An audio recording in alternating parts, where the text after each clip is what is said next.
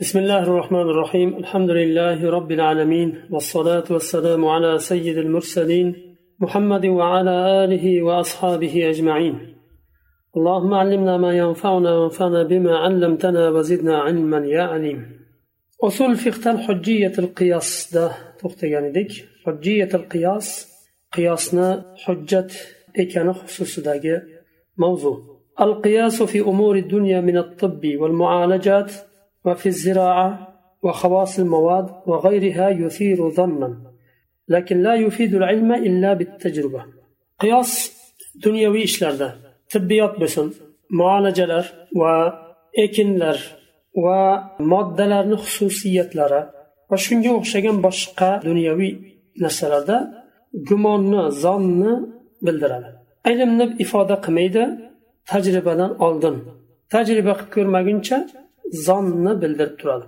Tajriba qilgandan keyin ilmni ifoda qiladi. To'g'rimi yo noto'g'rimi?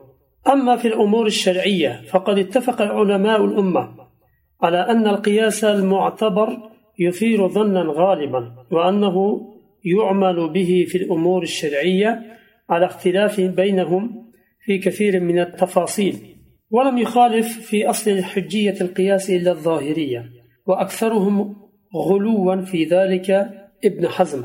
ومن أجل ذلك سموا ظاهرية لأخذهم بظواهر الألفاظ دون العلل والمعاني.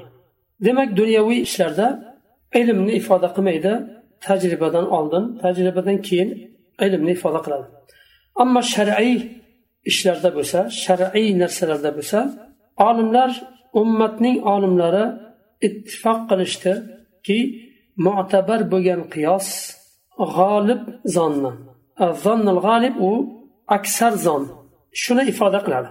Ilmul yaqinni ifoda qilmasa ham zonnan g'aliban g'alabati zonni ifoda qiladi. Va shar'iy ishlarda bu qiyosga amal qilinadi. Al ixtilafin baynahum fi kafir min tafasil ko'p tafsirlarga ko'ra o'rtalarida ya'ni ixtilof bor olimlarni bir qancha tafsilotlarda ixtiloflar bor. Shunga qaramasdan amal qilinadi shar'iy qiyoslarda. Qiyosni hujjat ekaniga olimlar ixtilof qilishmadi. Faqat zohiriyagina ixtilof qildi zohiriy mazhabi.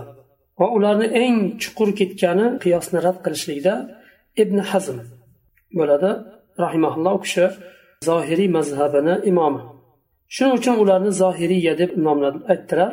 chunki ular lafzlarni zohirini oladi illatlarini ma'nolarini olmaydi والقياس نوع من العمل بالرأي قياس رأيga fikrga aql bilan o'ylab ishtihod qilib berilgan bir fikrga amal qilishni bir turi bu وقد ورد جواز العمل بالرأي شرعا وقد عمل به الصحابة رضوان الله عليهم وقاسوا بعض الأحكام على بعض فمن ذلك اجتهادي فكر لرجع عمل قلشنا جائز كان يجي شرعا دليل ثابت بقى بنيا صحابة رضي الله عنهم عمل قلشكان va ba'zi ahkomlarni ba'zi boshqa ba'zilariga qiyos qilishgan shulardan misol birinchisi ما ورد أن النبي صلى الله عليه وسلم قال لمعاذ لما بعثه إلى اليمن بما تحكم قال بكتاب الله قال فإن لم تجد قال بسنة رسول الله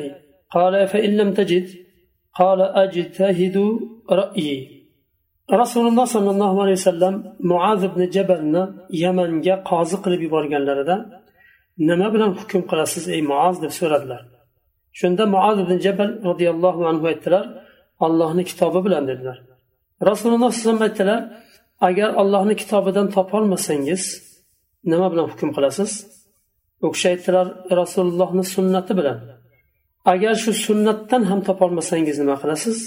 deb so'raganlarida ijtihod qilaman fikrim bilan hukm qilaman dedilar. Va shuni rasululloh alayhi vasallam tasdiq qildilar. Agar qur'ondan sunnatdan hukm topolmasa undan keyin ijtihod qiladilar.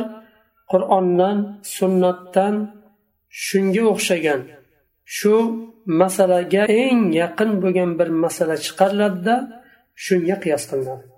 Masalan deylik xamir harom qilindi qur'onda. Qur'onda uni hukmi bor. Ammo xamirga o'xshagan mast qiladigan boshqa bir narsa chiqadigan bo'lsa buni qur'ondan sunnatdan eng yaqin dalil xamir. Chunki illati bir xamir ham mast qiladi aqlni ketkazadi. Bu yangi chiqqan narsa ham aqlni ketkazadi mast qiladi demak buni shunga qiyos qilinadi ikkinchisi lamma tufiya rasululloh sollallohu alayhi vasallam قال المسلمون لأبي بكر رضي الله عنه رضيك رسول الله صلى الله عليه وسلم لديننا أفلا نرضاك لدنيانا فقاسوا خلافته على المسلمين على استخلاف النبي صلى الله عليه وسلم له في إمامة الصلاة ورفضه أن يؤمهم غيره رسول الله صلى الله عليه وسلم ني وفات لردن كين musulmonlar sahobalar abu bakr roziyallohu anhuga aytdilar rasululloh sollallohu alayhi vasallam sizni dinimiz uchun rozi bo'ldilar bizni dinimizga rozi bo'ldilar ya'ni imom qilib abu bakr roziyallohu anhuni buyurdilar vafotlaridan oldin o'zlari namozga chiqolmaganlarida abu bakr imom bo'lib o'tib bersin dedilar. Rasululloh sollallohu alayhi vasallam dinimizga sizni amin qilib rozi bo'lgan bo'lsalar biz dunyomizga rozi bo'lolmaymizmi dedilar. Chunki amir bo'ladigan bo'lsa dunyoda amir bo'ladi dunyoviy ishlarida.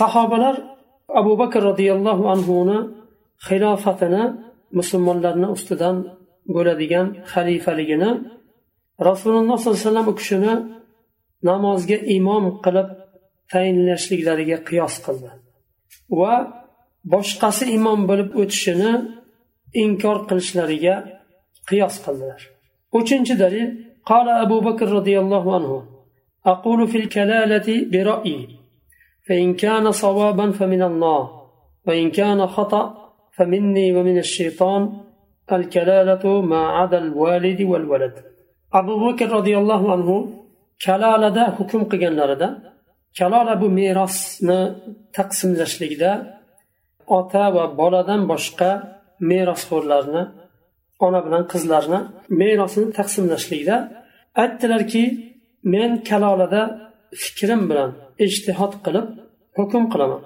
Agar to'g'ri bo'ladigan bo'lsa bu allohdan agar xato bo'ladigan bo'lsa bu mendan va shaytondan dedilar.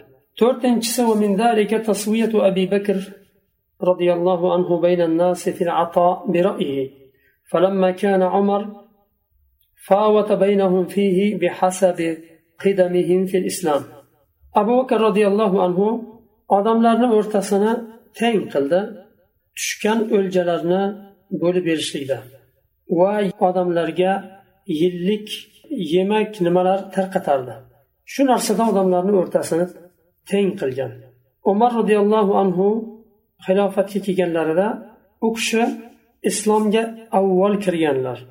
Chunki islomning avvalida og'irlik musulmonlarga juda ham qattiq bo'lgan. Ularni qadrladida ularni atolarini beriladigan yordamlarini ko'paytirdi. O'rtasida farq qildi sahobalarni musulmonlarni.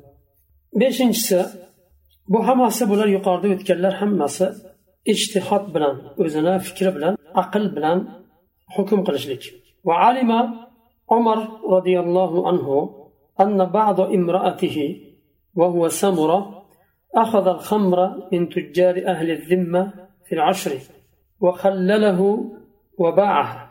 فقال عمر أما علم سمرة أن النبي صلى الله عليه وسلم قال لعن الله اليهود حرمت عليهم الشحوم فباعوها وأكلوا أثمانها فقد قاس رضي الله عنه الخمر على الميتة في تحريم الثمن عمر رضي الله عنه بعض ayollari oti samura ahli zimmani tujjorlaridan xamirni oladilarda mast qiluvchi ichimlikni uni saqlab qo'yib uksusga aylantiradilar uksusga aylangandan keyin uni mast qiluvchi xususiyati ketadi uksus bo'lib qoladi u. Endi xamir emas uksus. Va sotadilar. Buni umar roziyallohu anhu aytadilar samuro bilmadimiki rasululloh alayhi vasallam aytganlar alloh taolo yahudni la'natlasin.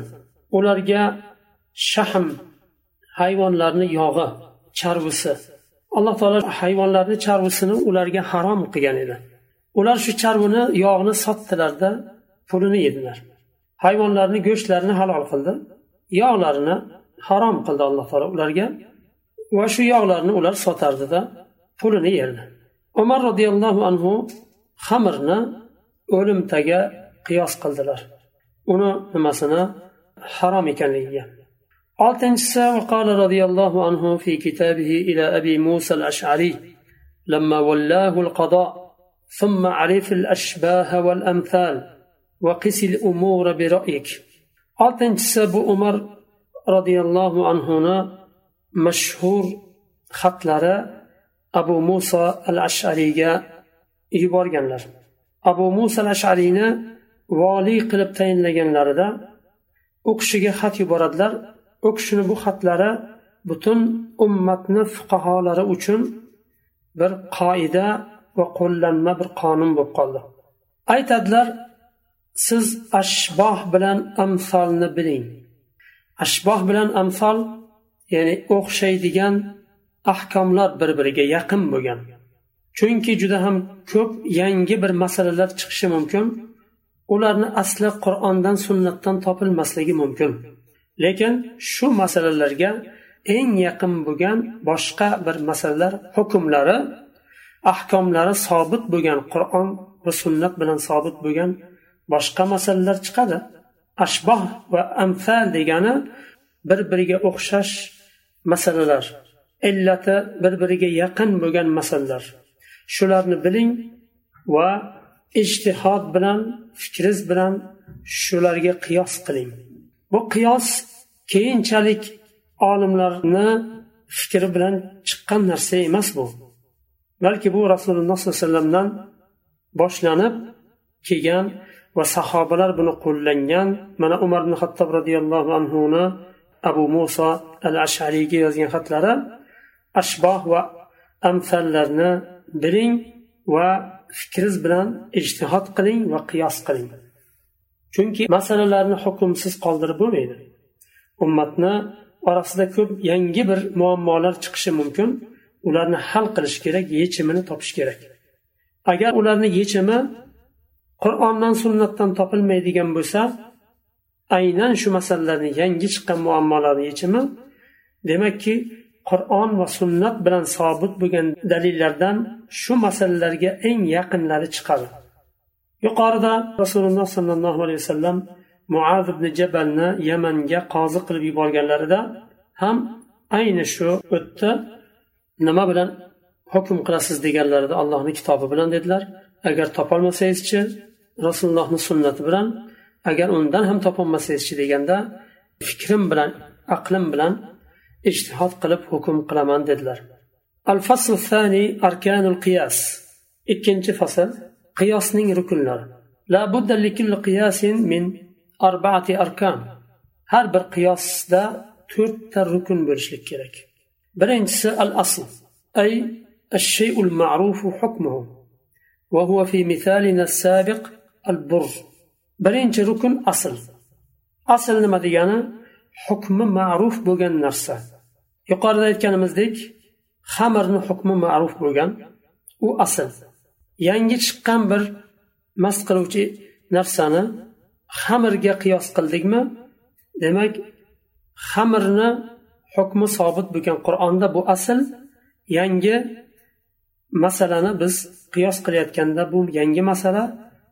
fara bo'ladi yuqorida misolimizda berdik deyaptilar bu bug'doy chunki go'shtni yana ba'zi bir nimalarni bug'doyga arpaga qiyos qilgandilar ikkinchisi hukmul asl shu aslni hukmi aslning hukmi nima harommi halolmi makruhmi shu aslni hukmi وهو في مثالنا تحريم الربا في البر yuqorida misolda o'tdi aslni hukmi bug'doyda riboni harom ekanligi uchinchisi al illa وهي الوصف الذي في الأصل الذي لأجله حكم الشرع على الأصل بما حكم به والعلة في مثالنا السابق كون البر طعاما وتسمى العلة أيضا المناط أو الجامع uchinchisi illat illat nima degani asldagi sifat degani aslida bir sifat bo'ladi. Shu sifat farada ham bo'lishlik kerak. Farani aslga qiyos qilishlik uchun shu sifat topilishi kerak. Illat ya'ni. Qanday illat u? Shu illat sababli alloh taolo aslga hukm qildi. Aslni hukmini berdi. Yuqorida o'tgan misoldagi illat bug'doyni taom ekanligi. Va illat yana boshqa istilohiy so'zlar bilan ham aytilinadi manot deyiladi al jami deyiladi ya'ni ikkita hukmni jamlovchi asl bilan farani ikkita rukunni nimasini jamlaydi الرابع تورتنجس الفرع وهو الشيء الآخر الذي نريد أن نثبت له حكما فرع bu boshqa bir narsa shu narsani biz aslga qiyos qilishni istadik biz ya'ni qiyos qilishni istagan bir narsa bu nima uchun qiyos qilishni istadik hukmini sobit qilishlik uchun yuqorida o'tgan misolda u go'sht edi go'shtni bug'doyga qiyos qilindi sababi ikkalasi ham taom illati bir أما حكم الفرع أي تحريم الربا في اللحم في مثالنا فليس ركنا في القياس بل هو نتيجة القياس وثمرته yuqorida aslni hukmi o'tdi hukmul asl birinchi rukun asl ikkinchisi hukmul asl bu yerda farani hukmi qiyosdagi rukun hisoblanmaydi balki u qiyosning natijasi va samarasi hisoblanadi فبدلالة القياس حكم العلماء بطهارة الحمار والفأرة قياسا على الهرة التي ورد تعليل طهارتها بالطواف في حديث إنها ليست بنجس إنها من الطوافين عليكم. فجعل الطواف علة للطهارة أي لما يكون من الحرج لو حكم الشرع بأنها نجسة لكثرة ملابستها للناس. وهذه العلة وهي الطواف أي كثرة الملابسة للناس في آنيتهم وثيابهم موجود في الفأرة والحمار.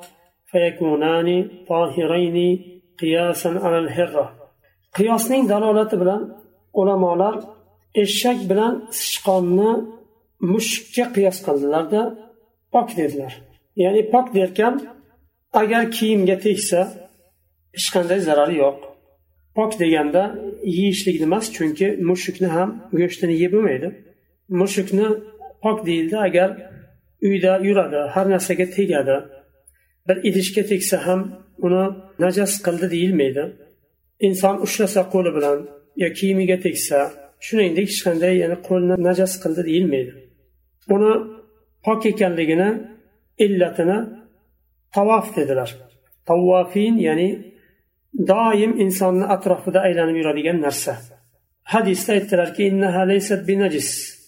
bu mushuk najas emas dedilar. Ular sizlarni doim atroflaringda aylanib yuradigan narsa u dedilar. Doim aylanib yurishligi ya'ni davomli insonlarni orasida bo'lishligi bu narsa illat qilindi. Sababi shu doim insonlar bilan qorishib yurishligi. Agar buni harom qilinganda odamlarga mashaqqat bo'ladi. Va bu narsa odamlarga aralashib yurishlik ya'ni odamlar yashaydigan joyda ularni bo'lishligi eshak bilan sichqonda bor agar shu illat bo'ladigan bo'lsa eshak bilan sichqonda ham demakki ular ham mushukka qiyos qilingan holda toza hisoblanadi najosat hisoblanmaydi وكثير مما تراه من الفروع في الكتب الفقهية إنها هو أحكام ثبتت بالقياس juda ham ko'p masalalar ahkomlar far'iy kitoblarda fiqhiy kitoblarda ular aksariyati qiyos bilan sobit bo'lgan ahkomlardir. Endi yuqorida hozir olimlar sichqon bilan eshakni mushukka qiyos qilishdi. Illati odamlarni orasida ko'p qorishib yurishligi. Buni bir kishi aytishi mumkinki bugun juda ko'p yerlarda musulmonlarni uyida bo'lmasa ham it ham yuribdi qo'shilib. Masalan it boqadiganlar ham bor. Hatto uyini ichida it saqlaydiganlar bor. Buni ham qiyos qilinadimi desa yo'q deyiladi. Chunki itni najas ekanligiga hadis bilan sobit bo'lgan. Hatto uni so'lagi tegadigan bo'lsa bir idishga sakkiz marta yuviladi bir martasi tuproq bilan yuvilinadi. shu yerda to'xtaymiz. Keyingi darsda inshaalloh uchinchi fasldan davom etamiz. Subhanakallohumma bihamdik. Ashhadu an la ilaha illa ant astag'firuka va atubu ilayk.